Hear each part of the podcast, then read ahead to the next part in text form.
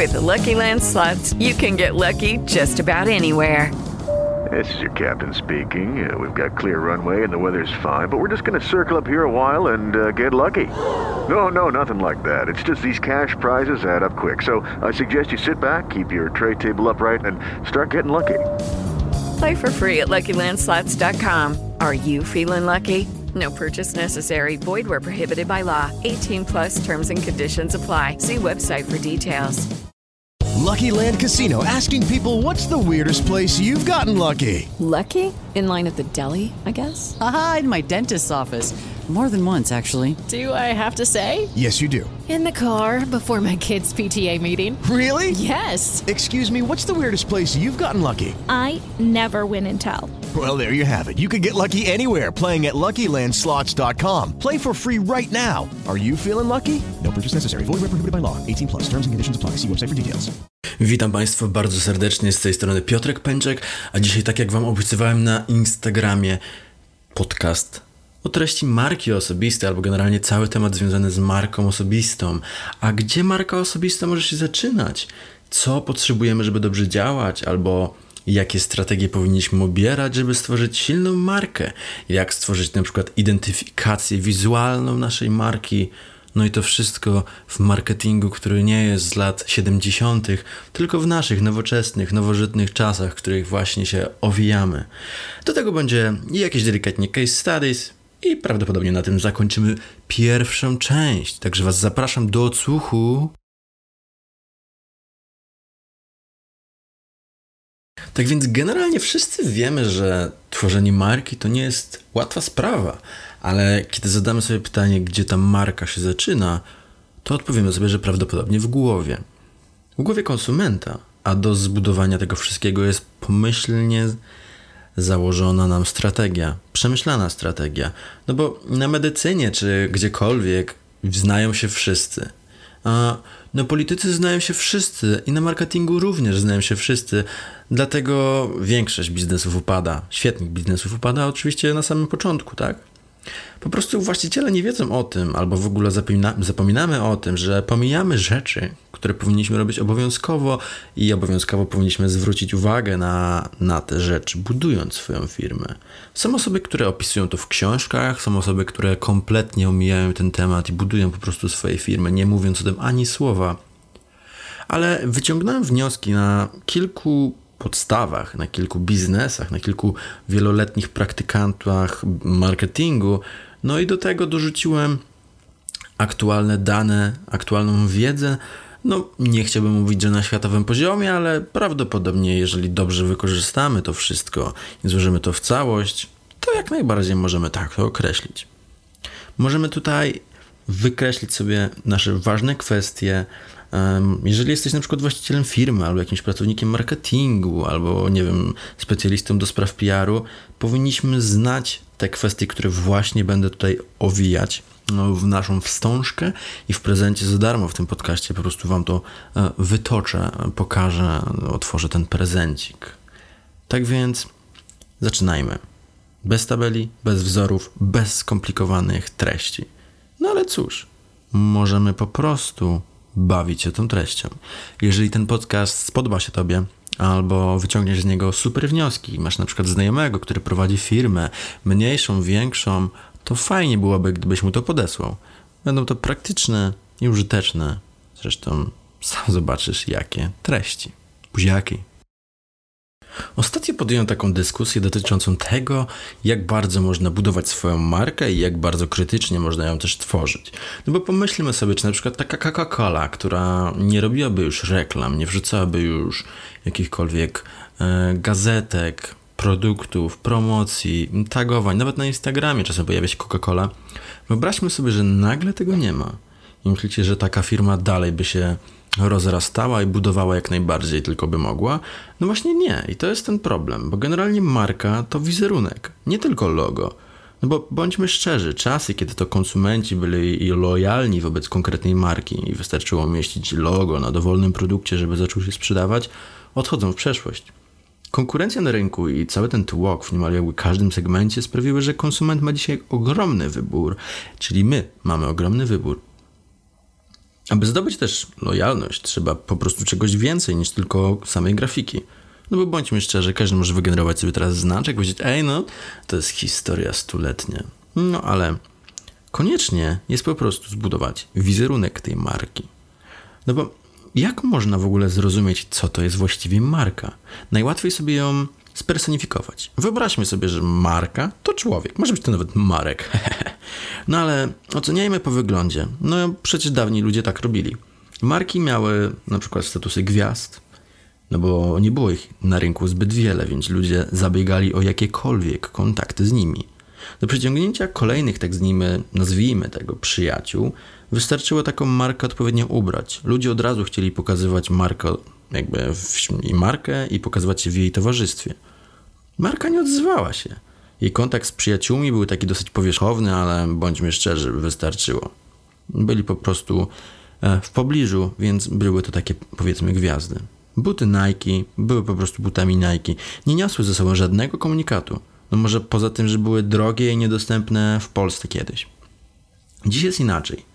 Na rynku zrobił się po prostu ogromny tłok, gdzie te wszystkie gwiazdy muszą bardziej starać się o tych ludzi, o tych naszych przyjaciół, więc marka zaczęła mówić, przekazywać jakieś komunikaty. Mamy dzisiaj marki buntownicze, mamy marki eleganckie. Możemy sobie teraz wybrać cokolwiek, nie wiem, biżuteria, ciuszki, bluzy, cokolwiek. Wpisujemy sobie tutaj do naszej wyobraźni i wiemy o co chodzi. Od razu potrafimy sobie to zwirtualizować w jakiś sposób, odtworzyć ten obraz, charakterystykę tej firmy czy tej osoby. No bo pomyślmy sobie o jakimś naszym znajomym, który jeździ Harley'em, a teraz pomyślmy sobie o jakimś kierowcy na przykład hm, Hondy. No cóż, Poza tym osoba za na przykład kierownicą Jeepa, a oceniamy te osoby tylko po samochodzie. Wyobraźmy sobie, albo w zasadzie już to właściwie zrobiliśmy. Więc czym jest ta marka? Po jej zdefiniowaniu i po tym zbudowaniu tej definicji możemy zaproponować coś takiego, co konkretnie powiedział David Acker. A marka to produkt lub usługa, organizacja, osoba i symbol – te cztery składniki stanowią swojego rodzaju fundament, który odpowiednio zbudowany pozwoli nam stworzyć silną, rozpoznawalną markę. Czyli produkt, organizacja, osoba i symbol. Cztery składniki. Najczęściej mamy do czynienia jednak z, jednak z jednym fundamentem, e, do którego dobudowane są kolejne. Jednak jakby znajomość tej samej konstrukcji pozwala nam zbudować już sam szkic i jakby umocnienie pozycji na rynku. No bo Poszukajmy teraz na przykład jakiegoś przykładu i pokażę Wam, jak bardzo można to przeanalizować. Przykładów można z rynku zebrać naprawdę bardzo, bardzo dużo, ale w tym scenariuszu pewna firma wprowadza na rynek produkt, który staje się na tyle boski, że jego gwiazda zaczyna świecić mocniej od samej firmy. No i najłatwiejszym produktem w tym momencie może być sam McDonald's. Pomyślmy sobie, że hamburgery albo Big Maci które gdzieś tam pierwszy raz wchodziły, bardzo mocno robiły ten efekt halo. Czyli właśnie świeciły, przyciągały konsumentów na tyle, że inne produkty, na przykład właśnie te są ci sąsiedzi, czyli że na przykład hmm, był bardzo mocno reklamowany hamburger McDonalda, był taki prosty, ale też przy okazji zaczęły się sprzedawać wtedy no, same Big Maci. Ale nie wszyscy kupujemy oczywiście te, tych sąsiadów, podczas naszych takich najzwyczajniejszych zakupów. No bo generalnie, kiedy firma mająca sporo produktów, które cieszą się zaufaniem klientów, wypuszcza na rynek nowe, o podobnej jakości, tworzy wtedy swoją markę. Taką strategię marki obserwujemy bardzo często na przykład u producentów samochodów. E, klasycznym tekstem, który prawdopodobnie większość mężczyzn potwierdzi, jest to, że po prostu Toyota są niezawodne i mało się psują. I nie jest to zasługa konkretnego modelu, ale raczej konsekwentnie prowadzonej polityki produktowej i informacyjnej, bo sama linia dobrych produktów nie wystarczy. Marka musi się komunikować z konsumentami. Mm, inne przykłady takich firm, na przykład to IBM czy sam Philips, dzięki swojej silnej pozycji mogą się cieszyć zaufaniem klientów. I to dosyć sporym zaufaniem, bo jakikolwiek nowy produkt mm, jest na tyle dobry, że konsumenci ufają im po prostu ze względów na te poprzednie usługi.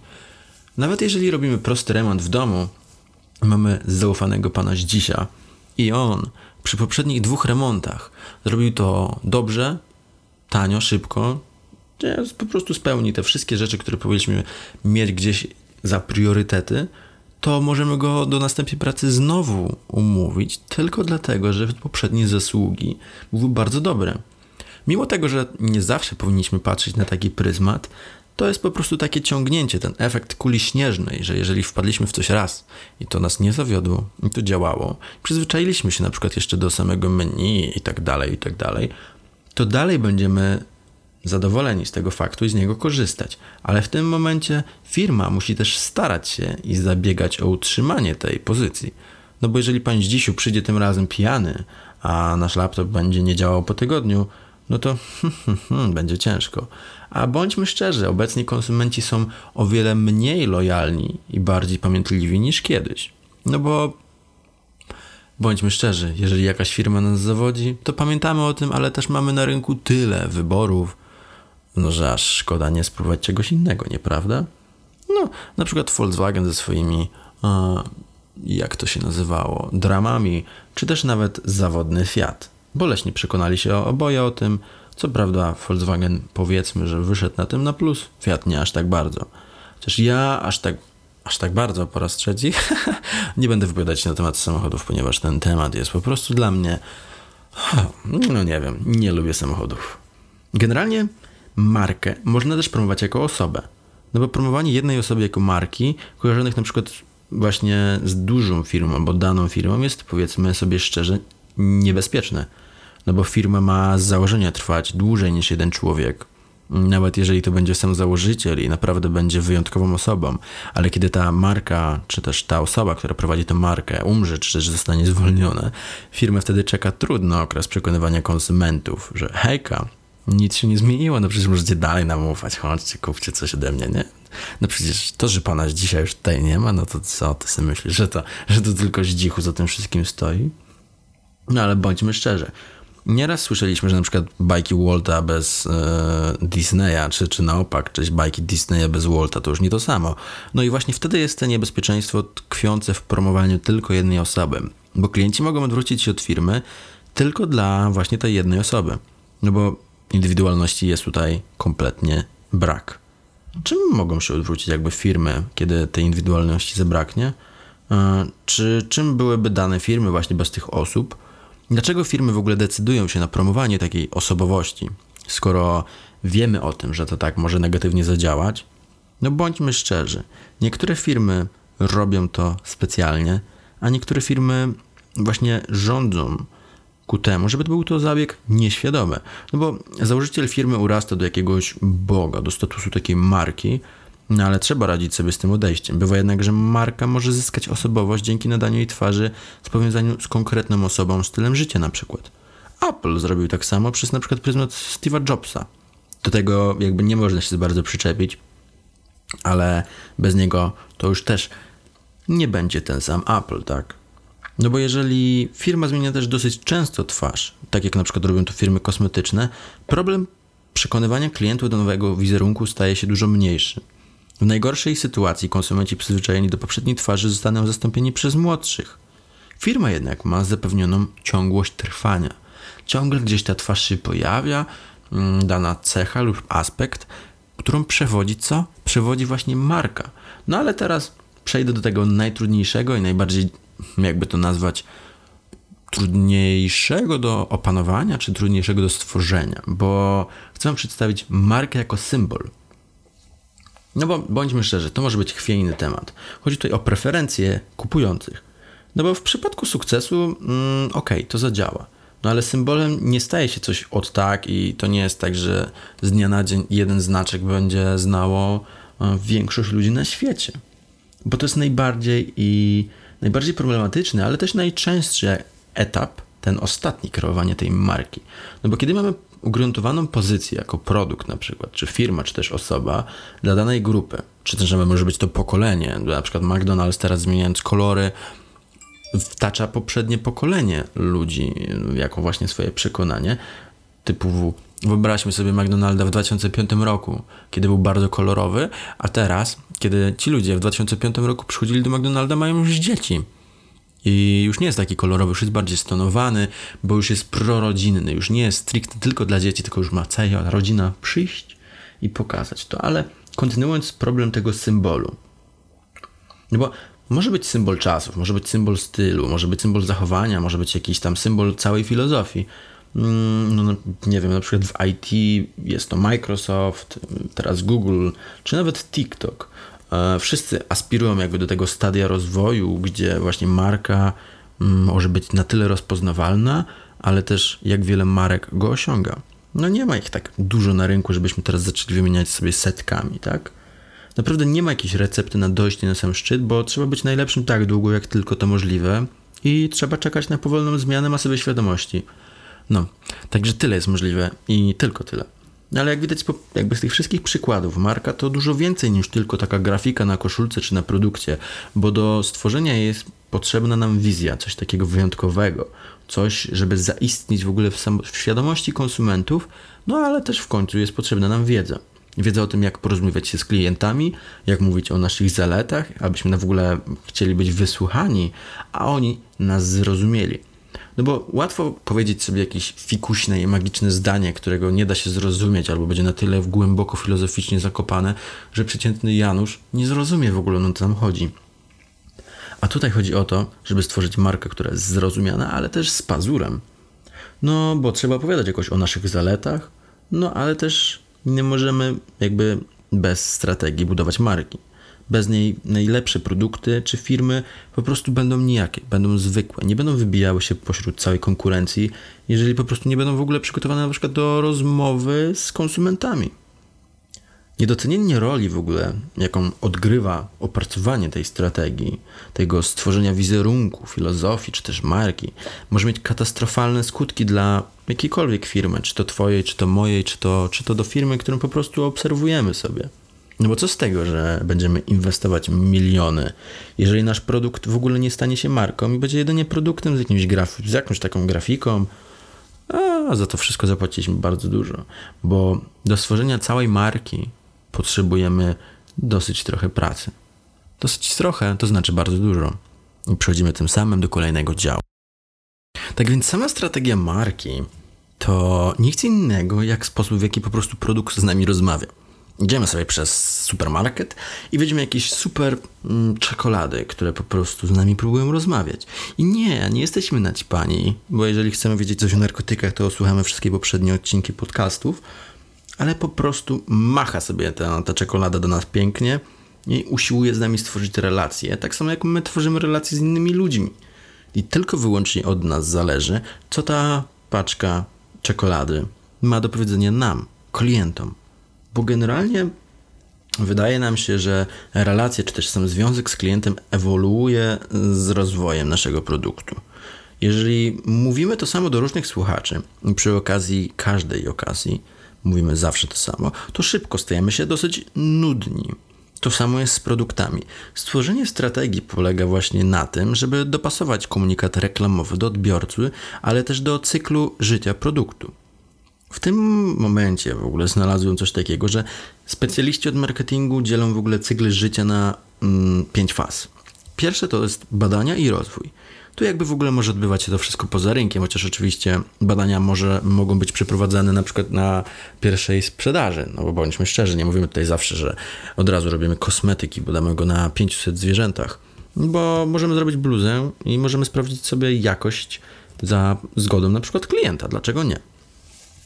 Kolejną jest wprowadzenie, czyli właśnie przedstawienie takiego produktu i kupują go zazwyczaj ludzie ci, którzy gonią za nowościami. Jeżeli to jest technologia, no to startup sprzedaje to jakimś takim geekom, którzy mają rządny pomysł na to albo rządną wielką chęć, żeby właśnie ten produkt u siebie mieć. Ale to zarymowałem, wiecie. Kolejnym aspektem badanym przez właśnie marketing jest wzrost. No i w tym momencie wiadomo, że startup wypala na przykład, ten produkt zaczyna się sprzedawać, jest więcej osób, które jest zadowolonych. W tym momencie gdzieś tam powoli zaczyna budować się dojrzałość, czyli kolejny punkt bo w tym momencie produkt jest popularny i wie o nim więcej osób, albo w ogóle większość tych docelowych klientów, które ma zainteresować. No i potem znowu wchodzimy w taki naturalny cykl, czyli kolejny punkt, ostatni, jest to spadek, bo produkt zaczyna być przestarzały, wychodzi z mody, albo w ogóle już zrobili coś bardziej szalonego, dziwnego, technologicznie lepszego. No i z punktu widzenia komunikacji marketingowej możemy zapomnieć o jakby pierwszym etapie. No bo produktu na przykład nie ma na rynku, nie komunikuje się za bardzo z nikim. Oczywiście, tak jak wspomniałem, mogą być też wyjątki. Nie chcę tutaj wykreślać, że to jest złoty środek, że każdy produkt tak działa. No ale ważne dla nas jest w ogóle wprowadzenie na rynek i ten wzrost. Bo jeżeli chcemy pokazać produkt z jak najlepszej strony i udowodnić jego przydatność jak największej grupie konsumentów, to podczas tej fazy musimy się po prostu postarać. Z kolei faza dojrzałości będziemy robić tutaj wszystko, żeby powiedzieć, że hej, jeszcze tu jesteśmy, jeszcze można nas kupować, jeszcze po prostu nie umieramy, jeszcze się staramy, no i po prostu jesteśmy doskonali. Dążymy właśnie do tego, bo konkurencja w tym momencie próbuje nas wyzgryźć. Oczywiście te fale to nie musi być złoty przykład, do którego musimy się przystosowywać, tylko warto jest mieć na uwadze to, jak przekonać tego klienta, potencjalnego klienta i potencjalnie go utrzymać i potencjalnie z nim działać. Potencjalnie, bo zakładam, że na przykład jeszcze myślisz dopiero o tym, jak chciałbyś w tym momencie coś stworzyć, tak? No. I w tym momencie pojawiają się klienci i ich hmm, przekonanka, tak? Ustaliliśmy mniej więcej, co będziemy robić, co będziemy tworzyć, jak będziemy działać, więc należy pomyśleć w ogóle o tym, do kogo w ogóle będziemy kierować te nasze komunikaty. No bo hejka, ta czekolada musi do kogoś mówić, ta czekolada musi gdzieś być i ta czekolada będzie wyglądać z któregoś miejsca na ciebie.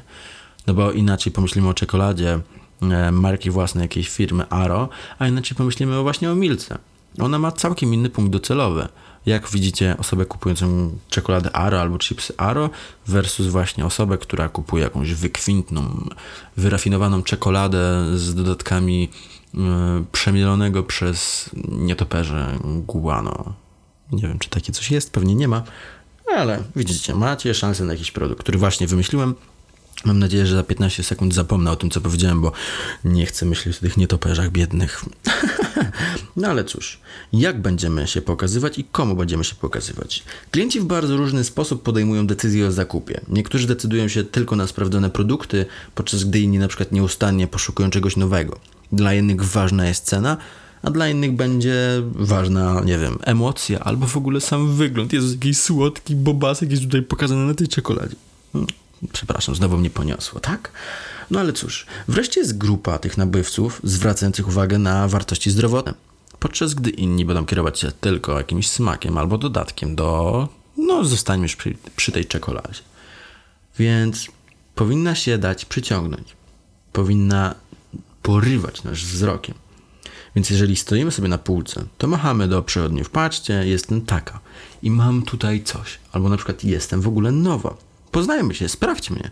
Możesz nawet dać mi feedback na naszej stronie albo wygrać coś w konkursie. Dlaczego nie? No oczywiście nie wszyscy będą tutaj podchodzić. Babcia będzie kupować te same ciasteczka od wieków. I jak ona zobaczy inną czekoladę, powie pierona.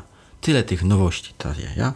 Nie opowie pewnie komuś o tym coś, ale żeby zapamiętała firmę, no to też może być dosyć ciężkie. No ale prawdopodobnie nie weźmie tego do koszyka, no bo ile tych babci jest na tyle otwartych na nowości.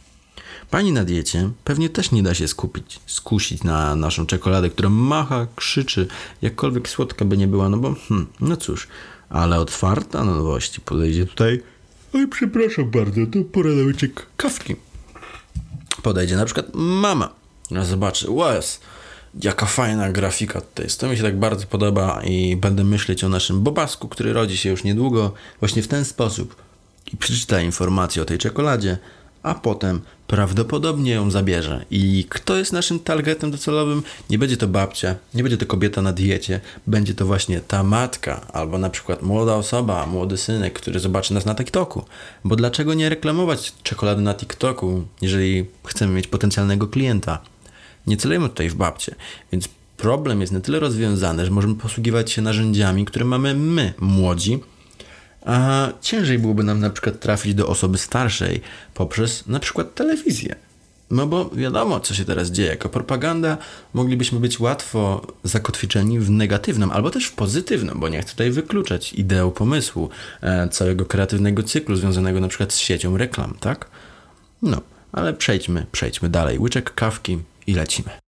Tak więc nasza czekolada poznała naszego swojego pierwszego konsumenta, ale musi opowiedzieć tej osobie, jak najwięcej. pokazać je z jak najlepszej strony, no bo bądźmy szczerzy, że to jest nasza pierwsza randka naszego produktu. Więc jeżeli zainteresowaliśmy już drugą osobę i pokażemy, jak możemy dać naszą wartość siebie i bliżej się poznać, jest spora szansa na to, żeby spotkać się ponownie. Zatem czekolada opowiada na przykład o swoich wartościach odżywczych, albo na przykład o doskonałej jakości ziaren, których wcześniej już wspominałem. A od czasu do czasu może wrzucić jakiś dowcip, na przykład na opakowanie, albo nawet upominek dla dziecka, które ma być w drodze. No bo jak tworzy się relacje? No właśnie w taki sposób. Relacja musi być pielęgnowana. I w tym momencie mamusia w sklepie dała się skupić. Podczas następnej wizyty znowu kupi naszą czekoladę. Częstuje nimi koleżanki w domu, czasem opowiada o zaletach jakichś znajomym. A koleżanki i znajomi nie są skłonni do kupowania akurat czegoś takiego. No ale skoro i jeżeli rekomenduje je ktoś bliski i to jest osoba godna nam zaufania, dlaczego byśmy nie spróbowali? O relacji z ludźmi nasza czekolada musi nauczyć się również dbać. Dla nich też ważna jest jakość, więc czekolada musi mieć bardzo dobrą jakość i podkreślić ją na każdym kroku, pokazywać się w reklamach od czasu do czasu, podrzucić na przykład jakiś ten prezent. Hejka, zostańmy razem, powie nasza czekolada albo nasz produkt, nasz lakier, nasz cokolwiek w tym momencie teraz myślisz sobie, może to podkreślać dla osób z otoczenia potencjalnego klienta, no bo dlaczego nie myślimy o tym, że osoba, która kupi od nas na przykład koszulkę, nie, dost, nie dostanie jej ktoś inny w prezencie, a kupujący powie same zalety o nas, o naszym marketingu, o naszej reklamie, która go uwiodła i po prostu powiedzie nas ze sobą. Jakby po prostu wyobraźcie sobie to, że zabieramy kogoś za rączkę i bierzemy go na taki spacerek i mówimy właśnie o tych zaletach. Jak bardzo mogą być tutaj pozytywne te rzeczy, a na koniec zostawiamy mu jeszcze na przykład ulotkę albo cały folder związany z tym, że hej, ale pamiętaj, tutaj dla ciebie mam jeszcze specjalnie dedykowaną ofertę. I to jest tylko dla ciebie, ale ta oferta jest ważna tylko czasowo. No bo bądźmy szczerzy, po pół roku nasza czekolada już nie będzie taka bardzo krzykliwa, nie będzie krzyczała na każdej promocji do każdej osoby, no bo zdobyłaś jakąś popularność i ważne miejsce w markecie. Są ludzie, którzy specjalnie przyjdą tylko po nią, no i rośniemy sobie w najlepsze. Tylko, że tak naprawdę ciężko jest to zrobić, bądźmy szczerzy. Polubiłem tyle ludzi, jakaś część będzie utrzymywać ten kontakt, będą przychodzić, niektórzy mniej, niektórzy częściej. Niektórzy klienci będą zmieniać swoje otoczenie, nie będą chętni do tego, bo przeszli na przykład na dietę. No i w tym momencie pojawia się ktoś nowy, nowy, nowa czekolada, która krzyczy, odciąga naszych klientów, naszych przyjaciół właśnie od naszego marketingu, naszej sprzedaży, naszego produktu w szczególności. No ale przecież mamy jakby doświadczenie i mamy gotowy scenariusz, co możemy robić. Więc sprawiamy sobie nowe opakowania i wchodzimy do konkurenta, do kącika i machamy, hejka, mamy tutaj coś nowego, może twoje dzieci nas polubią, na przykład. No ale bądźmy szczerzy, przyglądamy się tym produktom i coś musi nas uwieść. Coś, co niekoniecznie musi być tylko grafiką, tylko właśnie musi być tym komunikatem albo reklamą, czymś, co chce nam zabłądzić w głowie. Samemu najprościej podsumowałem sobie to w ten sposób, że myślałem o produktach, które zakręciły się wokół mnie, albo w ogóle myślałem o nich w niespodziewanych momentach, na przykład w przeciągu dnia albo kładąc się do łóżka. O czym ja w zasadzie myślę? No i okazywało się, że mogłem myśleć o jakimś jedzeniu, o jakiejś reklamie, o jakiejś firmie. Ostatnio dosyć mocno zapadła mi w głowie reklama Iglotexu, w której leci tak cringe'owa piosenka, że aż ją pamiętam. I widzicie, czy będę chciał spróbować tę pizzę? Prawdopodobnie tak. Dlaczego? W sumie to nie wiem. A dlaczego zapadło mi to w głowę? Ponieważ zrobili coś powiedzmy na tyle głupiego, co jest targetowane w dzieci pewnie w wieku te 10-17 lat, że ta piosenka jest ujmująca, jednocześnie prowokująca. Starsi też zwrócą na nią uwagę, no bo nie jest na tyle typowa, jak na przykład włączamy niskie ceny i tak dalej, i tak dalej. Więc strategicznie podeszli do tego w bardzo dobry sposób. Mają grupę docelową, bo ewidentnie cała reklama targetowana jest w młodych. W sensie, że taniec, że taka imprezka, że to taka mm, lekkomyślność, taki lekki duch jest cały zawarty w tym wszystkim, więc mm, łatwo określić według mnie tą grupę docelową i łatwo ją wykryć. I też domyślnie może działać to w ten sposób, że jeżeli siedzimy z rodzicami, a leci ta reklama, no to co powie młody? Hej mama, jak będziesz na zakupach, kupisz mi tą pizzę, zobaczymy ją jaka jest. I to się zaczyna właśnie w ten sposób. Wtedy przychodzi pizza do domu, ma kontakt z opakowaniem, rodzina ma kontakt z opakowaniem, poprzegląda sobie. Niektórzy będą mieć to kompletnie gdzieś, ale jeżeli dziecko zobaczy tam jakąś fikuśną rzecz, albo zobaczy, nie wiem, kod kreskowy na kod do Fortnite'a, albo do Minecrafta, albo, nie wiem, premium do TikToka, to właśnie tworzy tę relację, tą więź. Mała nagroda, mała relacja, jest nam przyjemnie, zostaliśmy nagrodzeni, chociaż wydaliśmy na coś pieniądze, ale jest miło. Nieprawdaż? No i właśnie w ten sposób można budować tą pierwszą randkę naszej marki. Obmyślić coś w ten sposób, przejść do tego. A ja, moi drodzy, będę się powoli wami żegnał.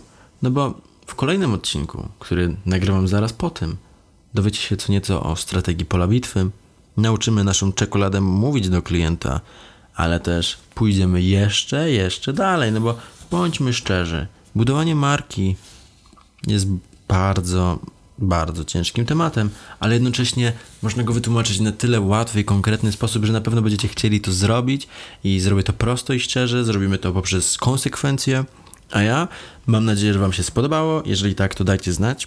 Mm, odezwijcie się na Facebooku, na Instagramie, a ja wysyłam Wam buziaczki. Trzymajcie się! Pa.